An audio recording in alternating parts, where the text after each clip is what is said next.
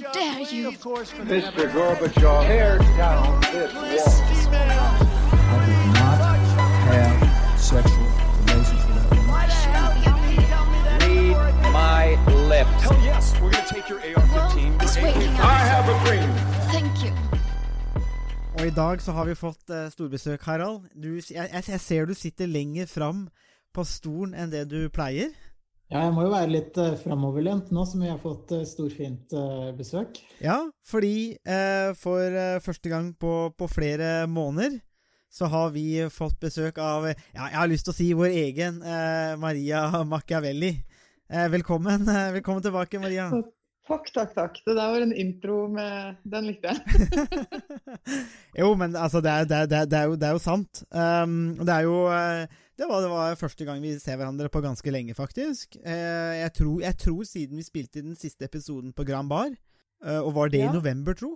Slutten av november? Kan det Ja, jeg var jo ikke med på den siste heller. Jeg var med under eh, dekning av valget. Så hadde Ja. dere vel en episode etter det igjen? Ja. Ja. jo, stemmer. Så det, er, det, det begynner å bli en stund siden. Og jeg, vi, vi- jeg, det jeg husker best fra noen av de siste gangene vi gjorde det på Grand Bar da, hos, hos Per Sandberg, det var at vi sa at da så har vi en kjempeplan utover vinteren. Eh, de, de, de, dette er gjestene våre, og kom opp, og så Ja, så ble det ikke noe mer, da. Men, men ja. du var jo et fast innslag der. Det var liksom det mest Hva skal jeg si Jeg tror du hadde det mest skremmende innslaget på en måte da, på den på Grand Bar, for det var på en måte den der rapid fire-runden din. Det. Mm.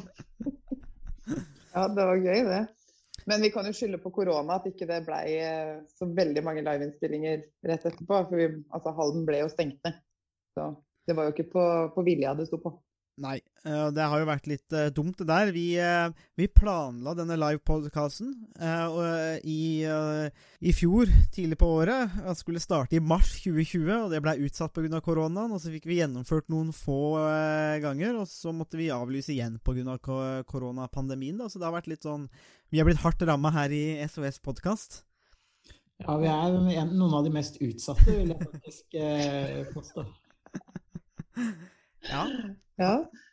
Det, det er rart at podden ikke har fått status som eh, samfunnskritisk, sånn som vi alle er eh, vaksinert her, syns jeg. Det, det var egentlig et veldig godt poeng. Vi har en jobb å, å gjøre der, tror jeg. Vi har en jobb å gjøre med hvordan vi kommuniserer, tror jeg. Det blir, det blir, litt som, eh, det blir jo litt som politikerne når de eh, hevder at de bare ikke har kommunisert godt nok. Så jeg tror det er det som er problemet vårt, Harald. Vi har nok bare ikke kommunisert verdien vår godt nok i Det, det tar vi til oss, og det, det skal vi jobbe med hver eneste dag fram eh, mot uh, valget. Ja, jeg, jeg legger meg sågar flat, bare sånn for å dekke alle checklist-punktene uh, her. Så har jeg lagt meg flat, så veit dere det. Men, uh, men eh, vi har jo eh, Vi snakka jo litt sammen i dag, eh, Maria. eh, fordi at du har jo, du har jo vært student, eh, og er student vel, egentlig, ved HiØ. Eh, Ja. og vært involvert i poden og gjort, jobba litt på HiØ, der du dekket mange roller, egentlig. Men eh, siden vi så deg sist, så har du jo kommet deg på utplassering òg. Du har kommet deg litt sånn mer litt sånn ut av Østfold. ja, og godt er det. Oi, oi, oi. Ja, det er bra. Det er bra for folk det, å komme seg litt ut av Østfold. Nei da, er Østfold, Ja. Østfold, Østfold er fint. Men eh, du har jo fått eh, Du er jo nå på utplassering, ikke sant? Hos, eh, hos Norges Rikskringkasting. Det har jeg, vet du. Statskanalen. Ja. Ja da. Mm. Så på... FPU-eren inni meg gråter jo. Det, det er jo. Jeg skrev jo faktisk lesebrev som 17-åring om at jeg ville legge ned NRK. Så Og nå jobber du der. Det er jo ja da. Det er forferdelig. faktisk. ti år senere, så Ja. Nei, det, det er eh, Identitetskrise er sterk. det, Men, det skal eh, men til. Er bare gøy er det. sprøyta gratis, altså. Ja, det er beinhardt. Det er, det er beinhardt, det der, altså. Jeg, er jo, men det er jo litt moro, da. Eh, men det er jo, Mm. du, du er jo på en måte hos Hva hva jeg vil si, altså på en måte Flaggskipet Ja, nei, flaggskip Det må jeg, korrigere meg. Flaggskipet i, i NRK er jo radioens program 2, altså P2, radiokanalen. Og deretter etter P2 så kommer eh, det viktigste programmet kanskje på NRK, nemlig Dagsnytt 18. Og det er jo der du jobber. Mm. Mm, stemmer. Ja. Ja, gøy. Ja, Ja, jeg fikk jo med Harald eh, på sending. Det er sånn, så det, det har jo lønt seg for podden, har ikke det? Jo, det har, eh, Det har betalt seg, det. Det var vel også kanskje den beste, det beste, et av de beste innslagene, tror jeg, på, på Dagsnytt 18, faktisk. Eh, med litt sånn god demokratidebatt. Jeg anbefaler jo alle lytterne våre å, å gå og, og søke opp den, eh, den episoden, eh, hvis vi kan kalle det, av Dagsnytt 18, og høre Harald diskutere og være kritisk. Rett og slett kaste liksom Fyre opp under litt sånn bål i Norge og komme med nærmest blasfemisk kritisere det norske demokratiet. Har du, har du, har du, har du, har, du skrifta nok etter det, Harald? Føler, Eh, føler du nei, anger? Jeg har, egentlig, jeg har vel egentlig bare synda mer, så det, det, Og det føles veldig godt. Som det ofte gjør når man synder. Så. Nei, du nå, nå, nå, får vi, nå får vi mer enn det jeg ba om. Men eh, det, er, eh, det er mye som skjer i Østfold. eh, og jeg har jo ikke vært i Østfold på en, eh, på en, på en god stund. Koronapandemien gjør at jeg er stranda i Hallingdal, i Nordre Viken. og har da ikke reist til Søndre Viken. Så sånn er det, og vi gjør jo denne podkasten over nettet òg. Det er jo, er jo fantastisk. Vi har alle mulige verktøy. Hvem Hadde du trodd det, Maria, at da du måtte, ble involvert i podkasten første gang, at vi skulle gjøre dette digitalt? På ingen måte. Så jeg, jeg er veldig imponert, faktisk. Jeg er kanskje mest imponert over at Harald har klart å, å logge seg på.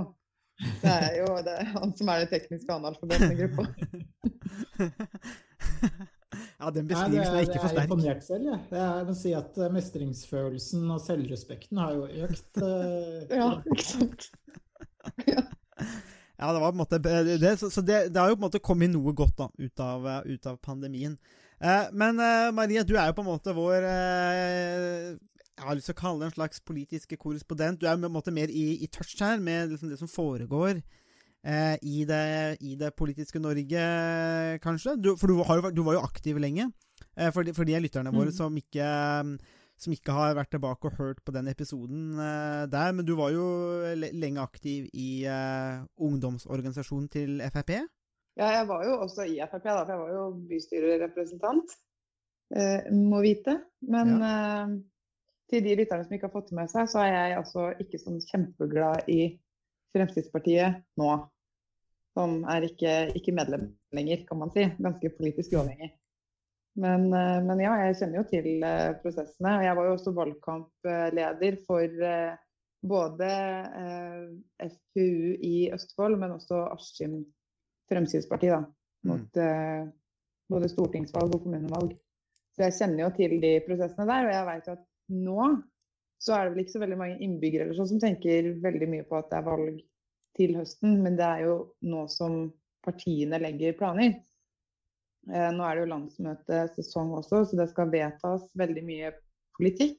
Og da vedtas det også samtidig en strategi for eh, hvilken politikk skal, skal vi gå hardest til valg på, hva skal være våre kjernesaker. Så det blir jo bestemt allerede nå. Så hvis man begynner å følge med nå, så kan man begynne å legge merke til det allerede. At valgkampen i partiene, den er i gang. Mm. Og Det var det vi tenkte vi skulle snakke om i denne episoden òg. Vi er litt sånn først med det første her. Vi er tidlig ute med å starte valgkampen. For selv om vi kanskje ikke har gjort det noe offisielt, så er, er det jo sånn at eh, det, dette er jo på en måte som sånne sovende drager, hvis vi kan kalle det det. Det trengs bare den, de rette trylleordene. Eh, makt. Eh, flertall. Så våkner de, og, og så stormer de over Norges land og spyr ut eh, flammer og politisk budskap, eder og galle. Eh, og de ligger jo bare og venter eh, her.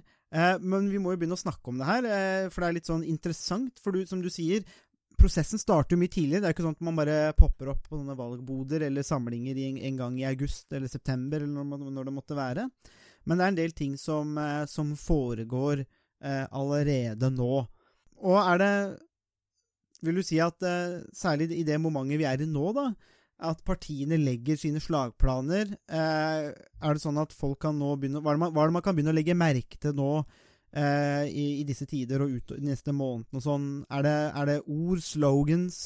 Er det ting som vi må begynne å være på jakt etter nå, og, og, eller bli oppmerksom Ja. på? Ja, eh, for det fantes en tid hvor ingen visste hva begrepet velferdsprofitører eh, betydde, men det er jo Harald Borgebund. Borgerbund. ja. Veit vel fortsatt ikke ennå, si.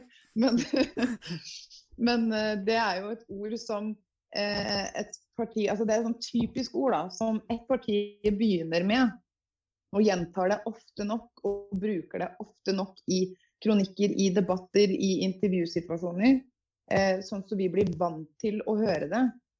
Og i det sekundet hvor et annet parti begynner å bruke det samme ordet, da har det satt seg.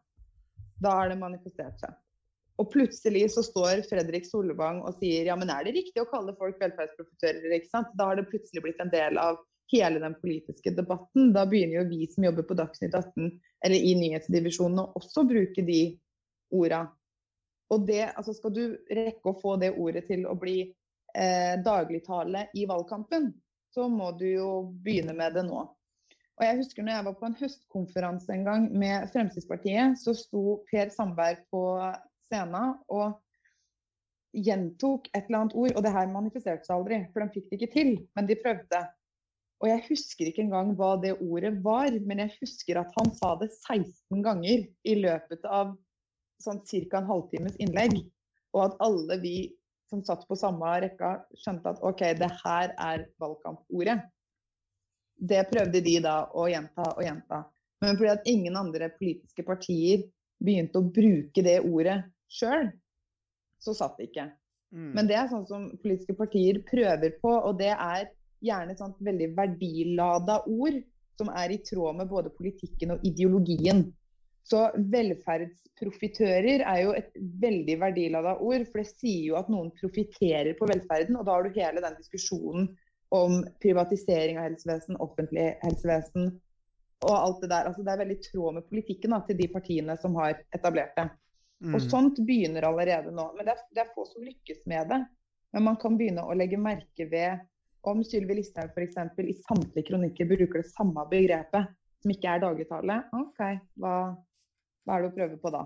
Mm. Ja, for det er kanskje noe vi må være klar over. altså som Eh, Når vi konsumerer nyheter eller vi hører på politikere òg, at uh, det er jo ofte en, en, en, en klar strategi da, for de ordene mm. man bruker, og hva man vil at folk skal ta opp. Og det er vel kanskje også noe du har merka, eller både som politiker, men også kanskje litt av din erfaring nå på en måte mer i nyhetene, da, at man har disse talking points eller, uh, eller sånn spesifikke narrativer da, som man forsøker å pushe og frame. Ja. Så, og framing, altså vinkling, det er jo en Du får ikke vært politiker uten, og du får heller ikke vært journalist uten. Fordi at du altså, siden, Du har ikke muligheten til å belyse hele saken, så noe må du ta bort av informasjon. Og i det sekundet hvor du har tatt noe bort, vel, da har du valgt at det her er viktigere enn andre, og da har du vinkla. Men så er det også det å vinkle det sånn så at ditt parti kommer bedre ut av det enn motstanderen, og gjerne liksom krydre det med sånne verdilada ord som noe altså som gjør at ditt parti fremstår også som mer moralsk enn motstanderen. Eh, fordi at politikk dreier seg om prioriteringer. Det, altså Økonomiske prioriteringer. Helsevesenet påvirker veldig mange. Det samme i skole og overalt. Så er det viktig å da også virke som du er litt moralsk overlegen. Og skal du få til det, så må du bruke verdilada ord. Og det øker i omfang under valgkampen. Fordi mm. at du skal vekke følelser hos velgerne. Og den letteste måten å gjøre det på er jo å ja, altså si at vi er bedre enn vi vil ta mer ansvar for deg. Og da begynner de der historiene å komme om alenemora som ikke har råd til det, og han eh, rike eh, kapitalisten der som ikke betaler skatt fordi Høyre gir bare skattelette til de rike. Da begynner de der betegnende tinga å komme. Mm. Og det blir bare mer og mer framover.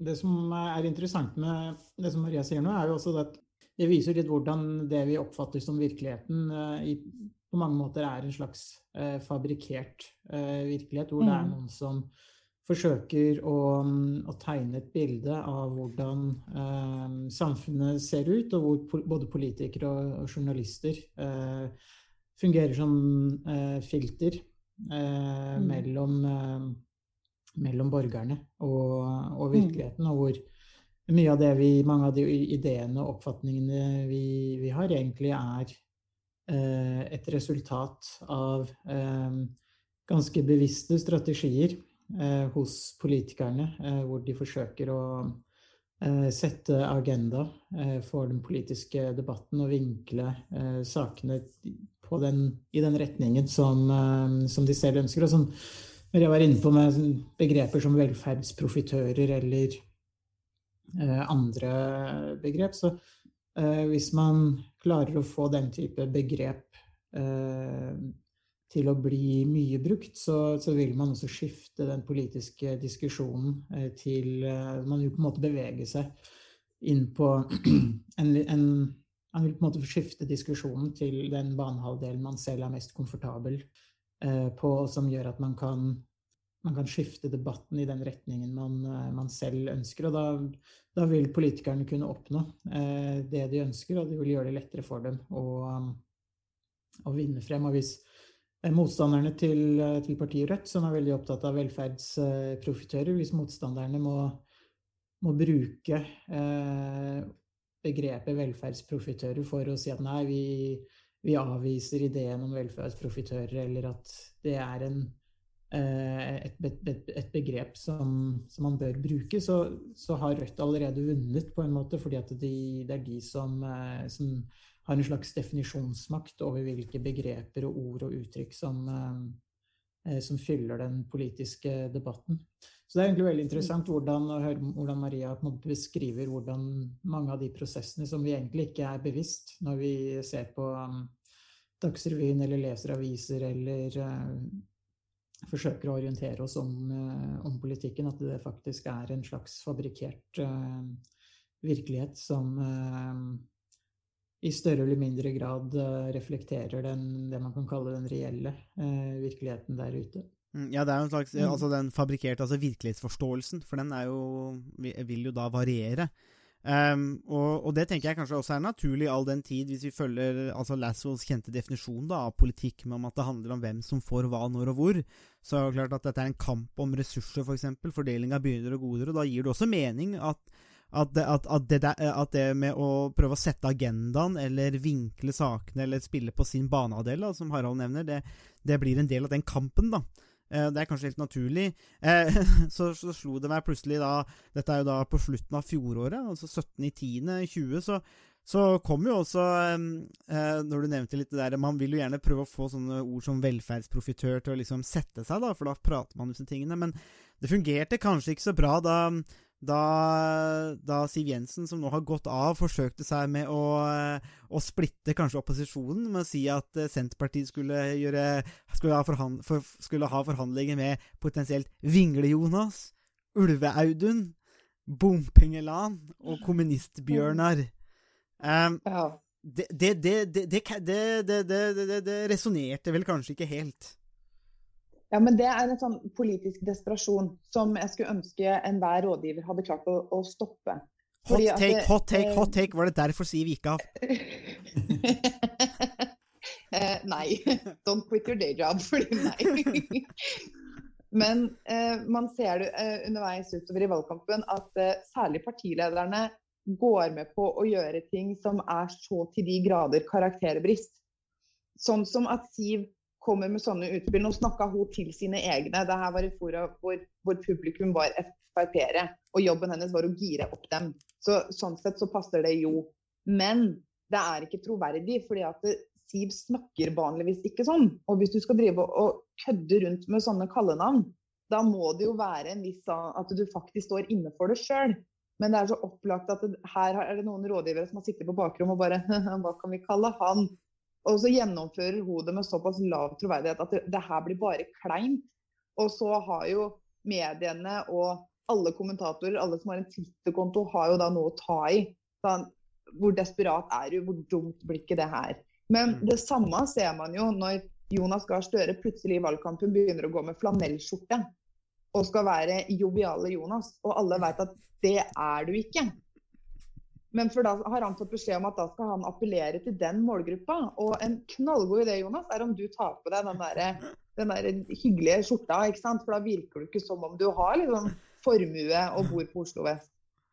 Men han har jo det, og alle veit det. Så det begynner å bli sånn desperasjon.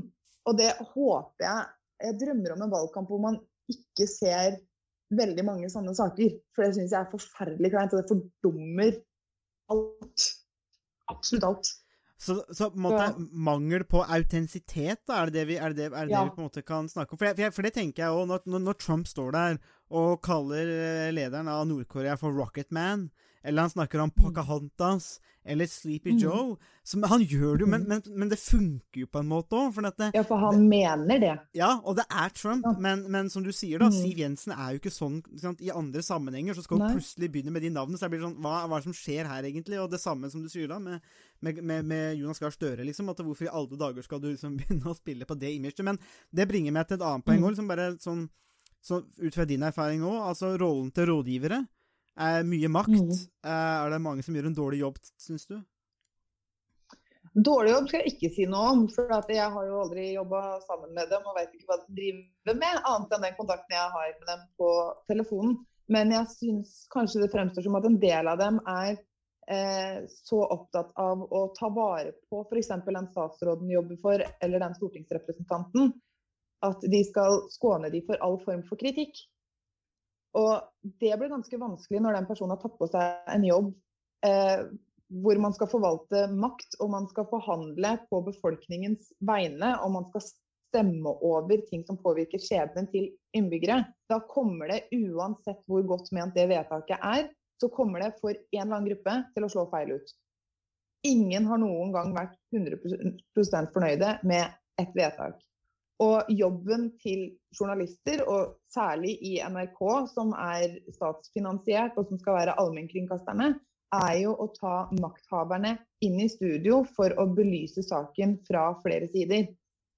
Og hvis den statsråden eller den stortingspolitikeren har gjort noe da, som har slått feil ut for en gruppe, så vil jo vi veldig gjerne ha de inn i studio, så de kan fortelle hvorfor de fatta det vedtaket. Og hva, nå vet dere om de negative konsekvensene, hva kommer dere da til å gjøre videre?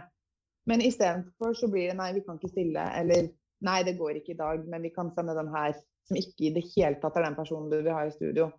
Mm. Og da skriver jo vi at eh, nei, men det departementet har blitt invitert, men vil ikke komme. Mm. Fordi det er også samfunnsopplysning i det, at de vil ikke svare på kritikken. Men jeg, jeg tror de fleste saker, altså 99% av dem, så er politikere og makthavere, om så det er i organisasjoner eller akademia eller hva enn, så er man tjent med å stille opp. Arbeiderparti-nestlederen som var på nachspiel og brøt smittereglene, som stilte opp, fikk jo like mye kudos i etterkant for at han faktisk tok til seg kritikken og brukte sendetida si på Dagsnytt 18 til å beklage, som han fikk kritikk for at han faktisk hadde brutt smittevernet. Fordi da eier du i hvert fall opp til det. Mm. Og det er jo ingen som ser på Dagsnytt 18 som er ufeilbarlige og som aldri har gjort noe dumt sjøl. Så man kan jo heller relatere til en politiker hvis de viser at de kan angre på et vedtak de har gjort, eller en ting de har gjort i privaten. Men at de faktisk eier opp til det. For da får du også en troverdighet. For da er du menneskelig. Da er du ekte. Det liker folk. Mm. Så jeg syns det er sånn det er kanskje det som er mer autentisk enn eh, de som forsøker å, late som at de er noe, noe annet enn det de eh, er også. Ja. Mm. Så um, jeg tror det er en sånn Jeg veit ikke, det her blir bare en sånn teori, men, men jeg tror det er en sånn strid mellom det at du skal appellere til velgerne ved å være autentisk, og da kan det lønne seg å gå på TV og ta imot kritikken, men så skal du også være likt innad i partiet ditt. Og hvis du gjør mye feiltråkk og blir den der som må beklage ofte, så er det ikke sikkert at du blir renominert. Så du skal liksom holde begge de her gruppene i sjakk, da. Og appellere til begge to like mye. Og da kan du ikke være for mye han som beklager, og du kan heller ikke være for mye han som ikke gjør det. Så det er en sånn balansegang, og det er det ikke alle som, eh, som får til. Mm. Det er jo egentlig ganske interessant eh, eh, det at man ofte snakker om at politikerne skal være autentiske, og at man eh, savner eh, såkalt autentiske politikere. For det, da vil man jo egentlig få kanskje få andre politikere enn det man har, og det man, eh, enn det man kanskje vil ha. Og så er det også et spørsmål om om man egentlig trenger autentiske politikere i det hele tatt. For politikerne skal jo eh, representere folk. Eh, og det som er det, det viktige, er jo hva politikerne stemmer, eh, hva slags lover de vedtar, og hva slags eh, politikk de, eh, de iverksetter, mer enn nødvendigvis at de er joviale eller aristokratiske, for å bruke Jonas Gahr Støre som hoggestabbe. um, Ja, så, så jeg vet ikke helt. Altså det, det er litt Jeg er litt uh, Jeg er litt usikker på om autentisitet egentlig har noen eh, Men altså, spørs ja. Bør spille en rolle i, i politikken i, eh, i det hele tatt. Men, men det jeg kanskje tenker da, er kanskje for eksempel kanskje det som kan slå feil for Støre, da. Det er det når man prøver å spille på at man er autentisk, slik at eh, eh, og, så, gjør man ting som man ikke er tjent med, da, slik at det blir på en måte en sånn dobbel feil. Eh, ikke, ikke sant? Man, man vil gjerne gi det bildet, men, men så blir det jo feil bruk da, av flanellskjorter osv., så, videre, så da har man på en måte prøvd å gi et signal som man ikke er i stand til å gi, og så blir det bare kleint, og så blir det feil, og så Mm. og så taper man på en måte bare ansikt, da, fordi man prøver å gjøre noe man ikke er, eh, på en måte. Så, så jeg lurer på om det kanskje har noe med det. Men, eh, men jeg tenker vi kan jo rulle litt videre der, for, det- men, for det, men det er jo veldig interessant dette med For det handler jo om makt, ikke sant? Jeg kunne jo spurt deg, Harald, òg, om, om på en måte hvordan dette går med ja, disse rådgiverne. Er man redde for kritikk? Og hva gjør det med kontroll av makt? ikke sant? For det er også det det handler om, og det er jo veldig viktig i et liberaldemokrati. Og er det sånn at vi skal bare kritisere de andre eh, når vi er i opposisjon, og når vi har makt, så skal vi ikke Da vil vi helst ikke snakke om de tingene vi driver med. ikke sant? Så det her er en slags dobbeltmoral potensielt. da. Eh, eller noe sånn hyklersk eh, attityd ute og går, og det, det tror også jeg eh, at det er. Eh, jeg tror ikke noe mer om politikerne enn det. Men eh, andre ting eh, som du nevnte når vi snakka sammen, eh, når vi hadde bakgrunnssamtale, Maria Jeg, jeg har plukka opp lingoen Ja. her nå. Eh, ja, ja. ja. jeg hadde jo en producer som da snakka med deg og fikk henta deg en. Du har jo pitcha veldig hardt om å få lov til å komme tilbake på podkasten, så da ja. Det er en stor drøm jeg har hatt lenge. Eh, men, men en annen ting som du, som du, du snakker litt om òg, er på en måte hvordan man begynner å snakke om andre partier òg. At det er sånn viktig at Mm. man velger seg på en måte en motstander, eller man Og det også er vel en ganske sånn konsentrert eh, Eller med, med hens, gjort med hensikt, er det ikke det? Jo, og det eh, husker jeg fra jeg var eh, valgkoppleder for Østfold Fremskrittspartiets Ungdom. Da gjorde vi en analyse på de forskjellige skolene, for da skulle vi ha skolevalg f.eks. Så det var der målgruppa vår var. Eh, og da analyserte vi eh, ut fra skolene hva var valgresultatet forrige gang. Og så kunne vi bytte hvem som var hovedmotstanderen vår, avhengig av hvilken skole vi var på. For Hvis vi var på en skole, og det her er yrkesfaglig f.eks., ok, da skal FPU stå ganske sterkt. Men vi ser at Arbeiderpartiet gjorde det ganske bra der. Så da er det Arbeiderpartiet som er konkurrenten vår. Men på en annen skole, som f.eks. var studiespesialiserende linje, da kunne Høyre være hovedkonkurrenten vår. Og da tilpasser man jo eh, retorikken sin til hovedkonkurrenten. Men så har man stortingspolitikken. Da, da bestemmer man seg jo F.eks.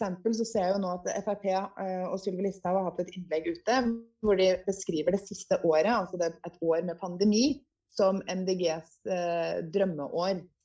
Fordi at det her blir konsekvensen med MDGs politikk. Er det korrekt det de skriver? Nei. Men appellerer det til velgerne til Frp? Ja. Og til andre folk som ikke liker MDG. Og det er kanskje det viktigste. Fordi i Mm. valgkampen så Du vinner ikke valg ved å kun appellere til dine egne, men du kan også appellere til de som du har en felles fiende med.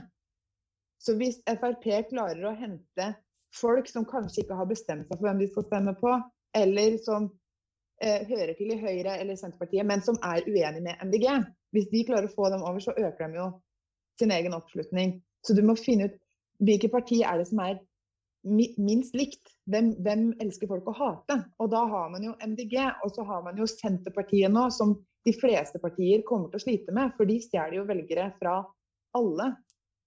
Eh, og Frp har jo så jeg har lagt seg litt på en sånn retorikk at det er ikke store forskjeller på oss og Senterpartiet, det er bare at vi er bedre enn dem på alt. Altså vi har en, en eh, bedre politikk på innvandring, vi har en bedre politikk på juss, og de har null troverdighet der. Men bortsett fra det, så er vi jo klin like. Vel, hvis du er velger og får høre at det partiet skulle stemme på er egentlig klin likt det andre her, men de er mye bedre på tre andre ting, da går det jo til Frp. Så det kommer til å være sånn eh, hoggestabbesaker hvor Frp ikke nevner egen politikk, eller Høyre ikke nevner egen politikk, men bare kritiserer eh, motstanderen. Og det er kun for å hente de velgerne som har en felles fiende. Og så er det jo ofte at man også foreslår egen politikk og later som at det er fokus i hele saken. Men hvis man ser nøye og leser litt mellom linjene, så belyser man egentlig svakheten ved politikken til andre partier. Mm. Sånn, I motsetning til andre så vil ikke vi akseptere det her. mm. og en annen del som du nevnte også, som, som også kanskje kan komme i disse, i, som en konsekvens av dette, er jo en måte sånne type drittpakker. Det, det, er, det er, er Ja. heller ikke uvant å se, da. Nei, og det kommer jo kommer gjerne nærmere valget. fordi at Hvis man starter valgkampen med drittpakker, da, da har man en dårlig og veldig lang valgkamp foran seg. Så det, det skjer gjerne ikke før sånn på oppløpssida. Eh, men, eh, men det kommer til å komme. Og altså, jeg venter jo på hvilket parti som er det første til å nevne Hamas-samtalene til Jonas Gahr Støre. Eller eh, de anklagene om eh, teppene han hadde mottatt når han jobba i Utenriksdepartementet. Det er mye å ta av på han. Og så kommer Høyre sitt smittevernbrudd, altså med Erna i spissen, da, til å bli tatt opp. Sylvi sin retorikk. Og så at eh, Vedum og Senterpartiet er eh, proteksjonistiske og sikkert har stemt et eller annet vedtak. Altså, det- det kommer til å komme sånne pakker, men de kommer senere ut. Hvis de begynner med det nå, da, da er det desperasjon allerede, og det er jo bare trist. Mm. Men hvilken rolle tenker du de drittpakkene spiller i, um, i politikken? Vil, er som, hvem er det som tjener på det? Ikke demokratiet i alle fall. Men uh, altså, det er jo det er jo, finnes jo velgere som er mest opptatt av det tabloide i, eh, i politikken. Som bryr seg mest om trynefaktoren og om de føler at den representanten der er troverdig og bra nok og, og kan representere meg og mitt. da. Eh, og dersom noen klarer å senke troverdigheten til den politikeren du hadde tenkt å stemme på, vel kanskje bytter du da parti. Men kanskje så klarer også det, hvis jeg er i Arbeiderpartiet og slenger en drittpakke mot Høyre, så kanskje klarer jeg å endre dagsorden litt. Så da er Høyre opptatt med å håndtere den drittpakka, mens jeg kan stå i mine intervjuer og snakke om vår politikk. Så da har jeg stjålet dagsordenen litt. Og da tjener jo i så fall Arbeiderpartiet på det. Mm. Men det her, altså, da er det jo også avhengig av at media tar saken, at hvordan partiet håndterer kritikken og alt det her. Da. Så du, det er en vanskelig greie. Det er, en, det er en dårlig strategi i alle fall å vinne valg på drittbaker, Fordi du er avhengig av at ganske mange andre eh, håndterer det akkurat sånn som det du har sett for deg. For det kan jo gå alle veier. Vi ser jo på metoo-kritikken som har vært. Det er jo eh, Arbeiderpartiet, Høyre og Frp som kanskje var hardest ramma, men det er jo sprikende hvordan de har klart å håndtere det i etterkant. Og hva som er etterlatt inntrykk. Hvilket parti tok skikkelig ansvar, hvem rydda opp, og hvem sliter med det fortsatt. Mm. Så ja, Mm. Ja, absolutt. Og det er jo.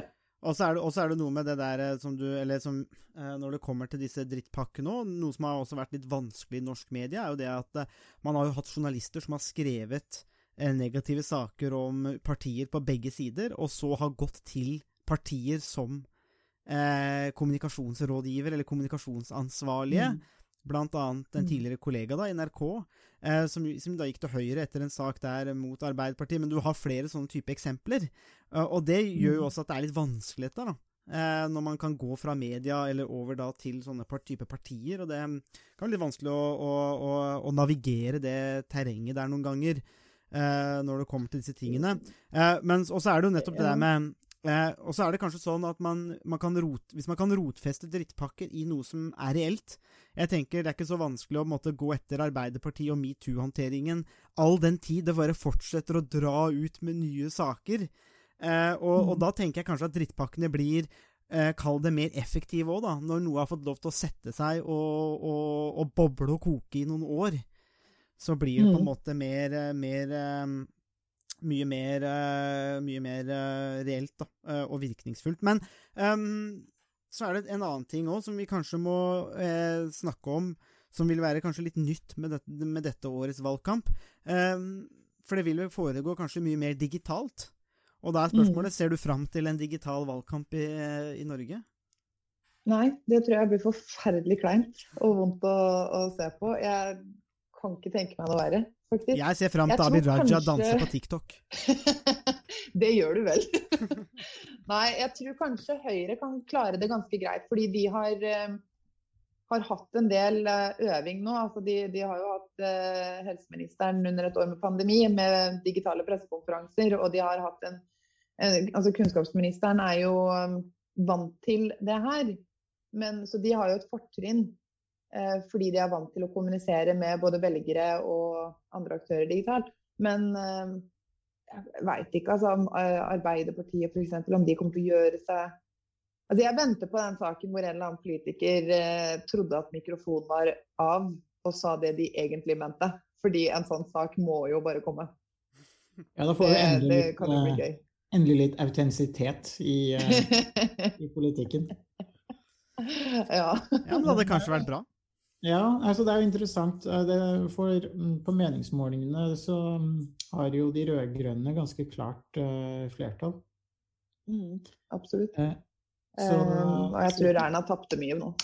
og det ser ikke ut som Så det ser ikke ut som regjeringspartiene har fått noen stor koronaeffekt av å vise seg på nærmest daglige pressekonferanser. Og det gjelder jo kanskje spesielt eh, de to eh, små partiene i, eh, i regjeringen. De ser, vel- ligger vel nest, egentlig ut liksom som det ser ut nå, så ligger de vel an til å å kanskje ikke komme inn i, på, på Stortinget i det hele tatt med mange representanter. Så, så det blir jo det er uansett et veldig, veldig spennende valg som, som blir i år, både pga.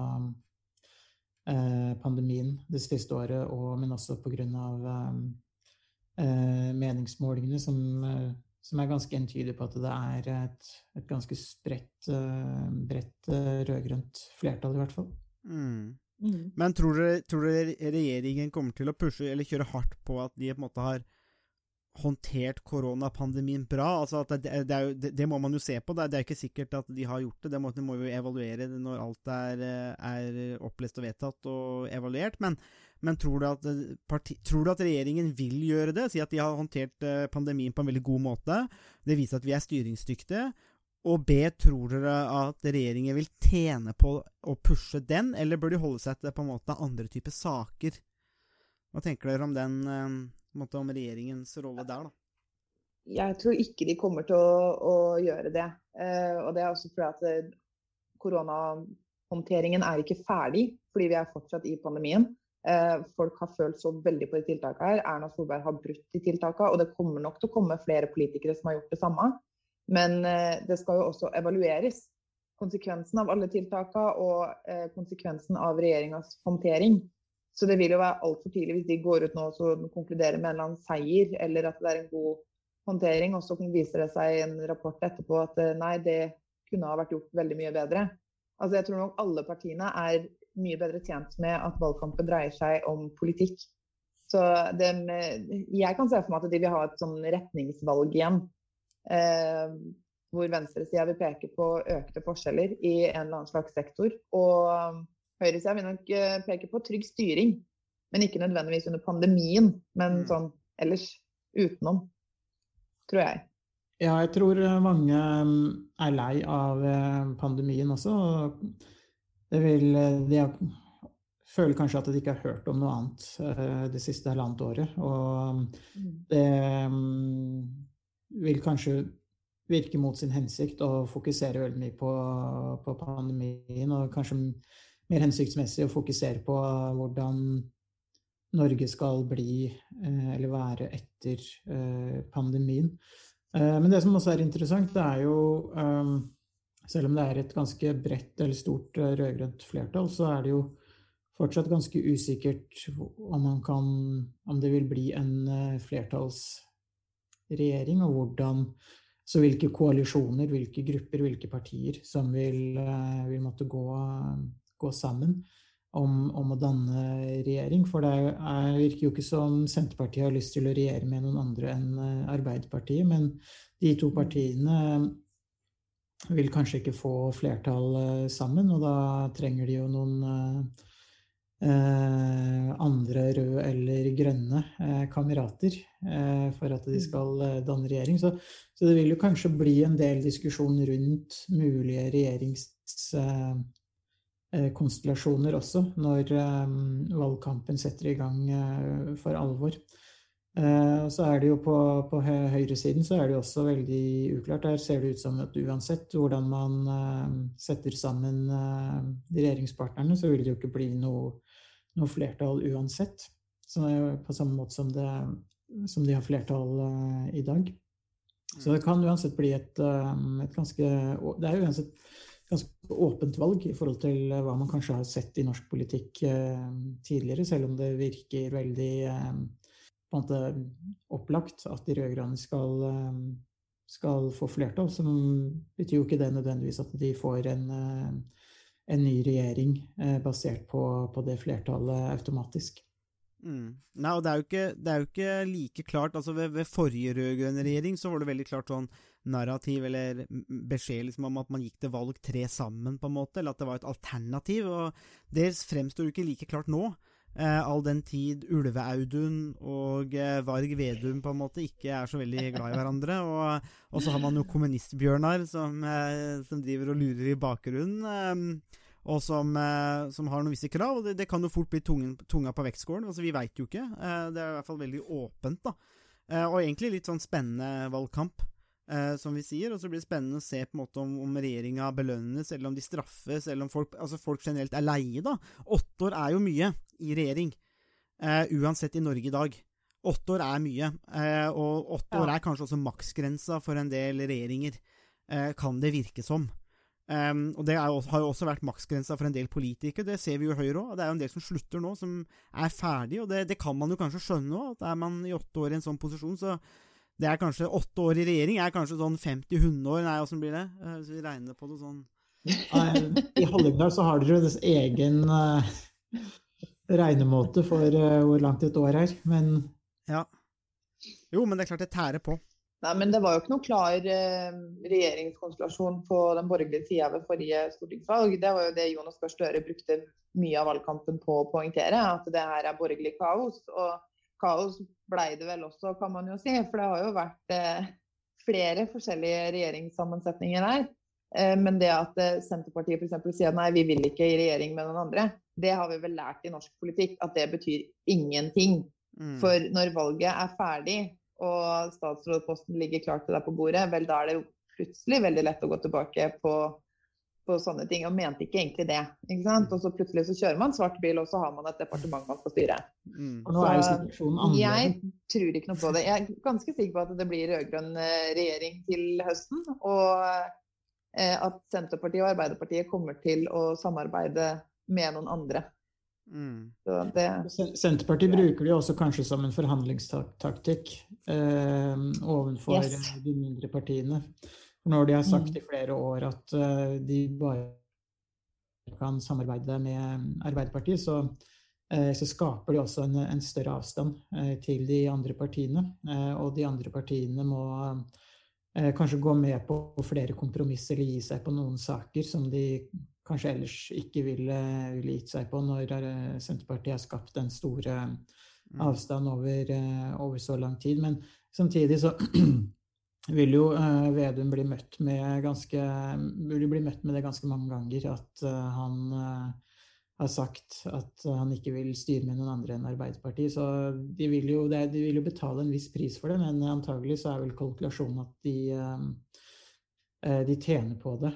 Det de, de tjener mer enn det de vinner på å argumentere på den, den måten. Og hvis de er heldige, så kan, de, kan Senterpartiet og Arbeiderpartiet få flertall eh, sammen. Eh, Og da mm, har de jo ekskludert eh, SV og Rødt og MDG Mm. i utgangspunktet, så det er kanskje en, eh, en taktikk som eh, har en, eh, en viss nedside, men ganske begrensa nedside i forhold til hva man kan, eh, kan vinne. Man kan kanskje vinne, i to av tre, vinne på de to av tre mm, eh, utfall, og så taper man litt på det. Eh, men at man vinner mye mer enn det man eh, kan tape. Jeg tror nok, jeg, jeg tror nok eh, altså det er, Jeg tror det er usannsynlig at de to får et flertall. eh, men, men at Arbeiderpartiet tror jeg kanskje er det partiet som har størst potensial til å mobilisere på valgdagen, slik at de kan gjøre et bedre resultat enn det meningsmålingene sier. For de har tradisjonelt den basen, så de kan nok gjøre det bedre. Men slik det ser ut nå, så kan det vel med topp mobilisering kanskje de ender på rundt 25% Altså kanskje på en god dag, ikke sant? Um, og det er jo historisk lavt og et elendig bunnivå for partiet. Men, men resultatet blir jo da at man må basere seg på andre. Og som Maria sier òg, at idet man begynner å friste med svarte biler, da, eller ministerposisjon og sånn, så har man plutselig glemt eh, en del av de uenighetene man hadde. og et, et annet eksempel på det tenker jeg jo Hareid òg, som gikk av i, i, i KrF pga. veivalget i partiet, og så gikk det ikke så lang tid, så hadde vi vel klart å bygge opp den brua igjen, da. Så det, det var, det var tydeligvis ikke det, var ikke veldig, det var ikke veldig langt bruspenn, da. På den brua der, i det partiet der og den konflikten. For det, det, tror jeg bare var en sånn der kløft som de bare la en sånn planke over, og så var den tilbake, liksom. da. Så det, det er noe med det der, altså. Makt er, gjør interessante ting med, med folk, tror jeg. Um, men uh, da har vi på en måte vi, har, vi, pleier jo å ha en podkast som er sånn ca. en fotballomgang. Uh, og vi har, vi har forsynt meg nådd 45 minutter nå, med overtid. Så det, er, det, det, går fort når vi, når, vi, når vi, møtes igjen og kan snakke om, uh, om politikk. Men det var jo det er veldig hyggelig å ha deg tilbake, Maria. Jo, takk. Takk for at jeg fikk være med. kan det hende at, du, at vi får deg med seinere òg. Vi veit jo ikke. Det kan hende du er blir for opptatt, da. Og litt, litt for stor stjerne for oss, kanskje. Det kommer alltid til å ha tid til SOS-podkast. Det er blitt betalt av Harald for å si. Blir du, blir, du, blir, blir du, stolt, Harald? Kjempestolt. Ja. Det var det vi hadde å by på i denne ukas episode av Statsvitenskap og sånt. Musikken er komponert av Robin Horvath, og Thomas Colato står for miksing og redigering. Du finner oss på Facebook, bare søk på statsvitenskap og sånt. Der kan dere komme i kontakt med oss hvis dere har spørsmål eller kommentarer. Der finner du også aktuelle artikler, videoer med mer. Vi setter pris på om dere liker sida, og deler den med andre som dere tenker vil ha glede av å høre på podkasten. Vi change is coming whether you like it or not.